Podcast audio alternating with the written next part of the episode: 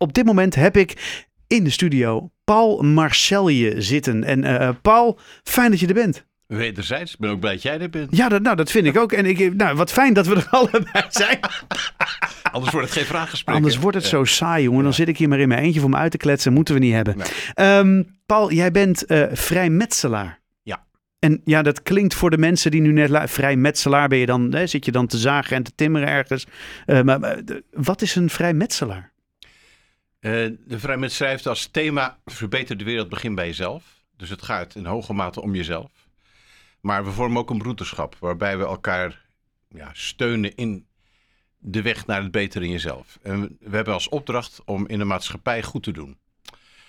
Ieder op zijn eigen manier. We hebben geen standaard manier. Iedereen mag zijn eigen mening hebben in de vrijmetselarij en dat moeten we respecteren. Dat is een van de belangrijkste voorwaarden om lid te mogen worden. Je moet een tolerante levenshouding hebben. Hm. Als je dat niet hebt, dan moet je gewoon geen vrijmetselaar worden. Want dan ga je iedereen beleren en proberen zieltjes te winnen voor dingen. Nee, wij leggen standpunten naast elkaar en stellen ze nooit tegenover elkaar. Hm. Dat is de bedoeling. En, en dat doe je ehm, zomaar op straat? nee, we hebben eh, een vereniging. Ja. Eh, eh, in heel veel plaatsen in Nederland heb je dat soort verenigingen. Die noemen we loge. Mhm. En die verenigingen, daar ben je met ergens tussen de 20 en 60 mensen lid van.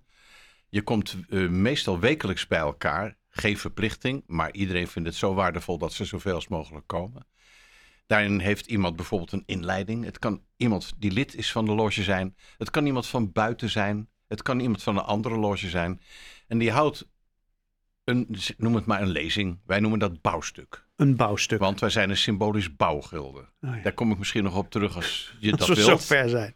Ja, Vandaar ook die vrijmetselaar natuurlijk. De, Ja. de metselaar. Het, is, het Ja, zijn wel we allemaal termen die even iets met bouwen verhaal- te maken Even hebben. dit verhaal afmaken. Daar praten we over na.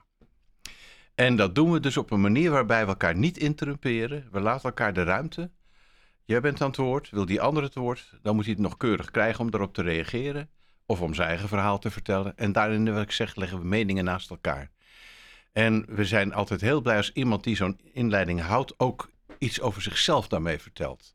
Je kan een lezing houden over alles... maar waarom wil jij juist dat onderwerp behandelen... en wat doet dat met jou? We willen eh, heel graag de mens beter leren kennen in de vrijmetserij.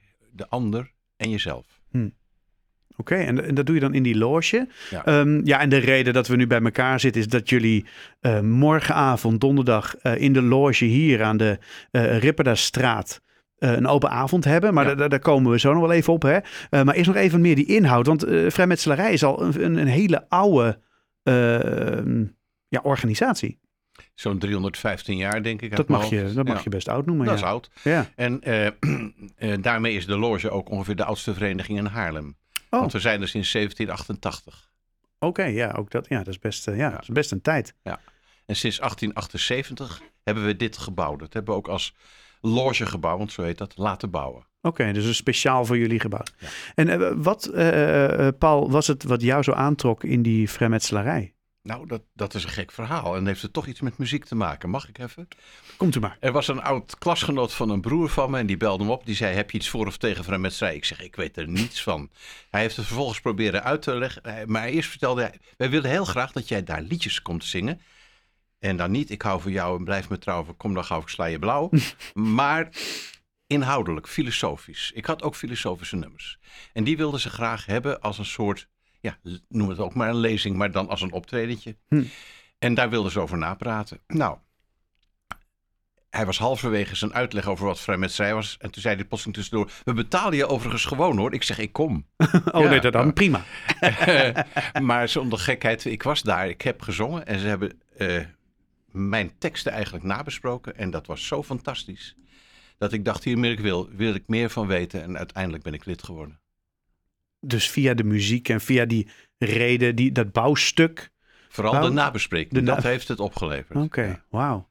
Maar toch ook gebleven. En de nazit. Ja, wa- eh, nou, ik moet je zeggen dat vrijwel alle vrijmetselaren vinden het zo waardevol dat ze blijven zitten eh, in zo'n loge tot ze doodgaan. En eh, ik moet erbij zeggen dat de alleroudsten, die komen niet meer, maar blijven desondanks lid omdat het van waarde in hun leven is geweest. Hm.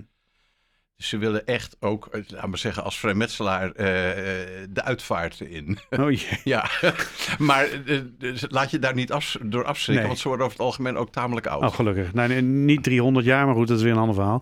Hey, en ehm, is het een religie? Nee. Nee, het is alles behalve een religie. Het heeft geen leer, het kent geen dogma's, geen enkel dogma. Hm. Behalve het dogma dat er geen dogma's zijn. en ehm, Lekker paradoxaal. ja, hè? Dat is wel leuk. Daar kan je uren over napraten. Dit, eh Jordi, eh, geen dogma. Nee, laat maar. Eh, Afijn, ehm, eh, er is dus ook niets of niemand, eh, er is niets dat wij aanbidden. Geen Nee. godheid of wat dan ook. Geen beelden. Nee, als iemand eh, gelovig is en dat wil beleiden, doet hij dat maar eens een kerk, moskee of synagoge. Als ze lid zijn, kunnen ze gewoon lid zijn. Maar het gaat bij ons dus niet om godsdienstige zaken. Nee. En Nee, het gaat echt je om mag dat- ook geen discussie over godsdienst of politiek voeren. Oh. Eh, je mag überhaupt geen discussie voeren, want je moet meningen naast elkaar leggen. en laat staan dat je zieltjes kan winnen voor het een of het andere geloof. Dat, dat, dat doe je maar buiten in je kerk, moskee of synagoge. En dat is dus ook niet wat jullie eh, eh, morgenavond gaan doen voor de vrijmetselarij. Nee. Wat kunnen we morgenavond allemaal verwachten, Paul? Morgen gaan we drie leden die, die gaan daarover antwoord geven in een interview. Eh, en zeggen nou, waarom dacht ik nou dat ik lid moest worden? Ja. En wat heb ik er gevonden en, en wat betekent het op dit moment voor me? Nou, dat doen we met iemand die net lid is. Iemand die al een jaar of 15 lid is. En iemand die al veel langer lid is. En alle drie gaan ze eh, in een vraaggesprek daarover, daarop in. Hm. Nou, dat kan heel boeiend zijn. Ook voor onszelf. Want misschien horen we dingen van ze die we nog niet van ze gehoord hebben. En daarvoor zit je ook bij de vrijmetselij om steeds weer nieuwe dingen te ontdekken. Eh, En dat is wat er gebeurt. Ik zal vooraf iets uitleggen over de vrijmetselarij.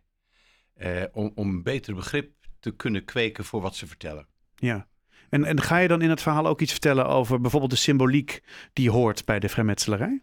En dat zal ik waarschijnlijk op dat moment niet doen. Maar in de pauze mogen ze met, eh, met me mee naar de rituele ruimte van het logegebouw. En daar zal ik er wel wat over vertellen als ze dat willen.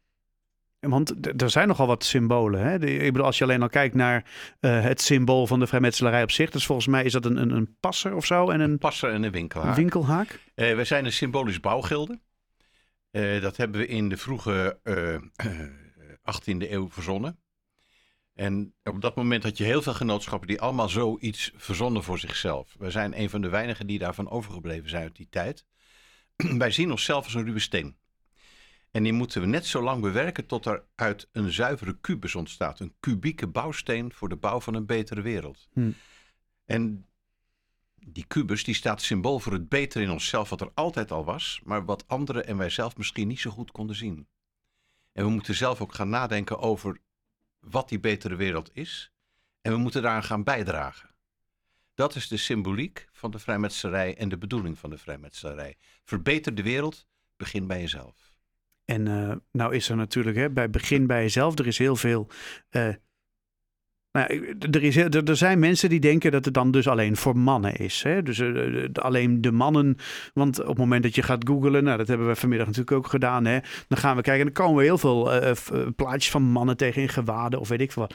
Is het, is het nou. Ja, ik bedoel, die Ik draag ge- nooit gewaden, Nee, hoor. ik ook niet. Maar dat, dat, dat zijn die Google-plaatjes, die zie je dan. Ja, dat is veel verzinsel. Ja, ja, echt? Ja, Ja, ja. want je ziet dan, ik, ik heb gewoon ge- gegoogeld en dan zie je, dan zie je van die, van die, van die pijen, van die soort monnikspijen. Ja, het is echt heel Nooit eng. gedragen. Nee.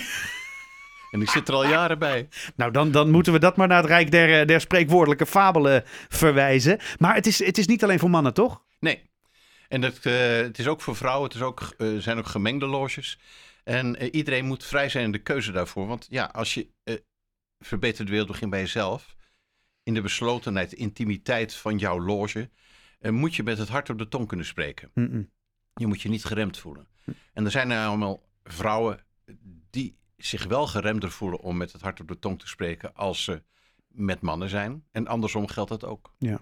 Je ziet ook vaak in een mannengroep, als er één vrouw binnenkomt, verandert bij een aantal mannen de houding. En andersom bij vrouwen, als er een man binnenkomt, idem dito. En er zijn ook mensen die daartussenin zitten en daar helemaal geen last van hebben. Dus er zijn drie soorten loges en je kan kiezen. En dat is maar goed ook keuzevrijheid. We moeten mensen niets opdringen en mensen ook niet remmen in zichzelf uiten in een loge. Dat is de reden.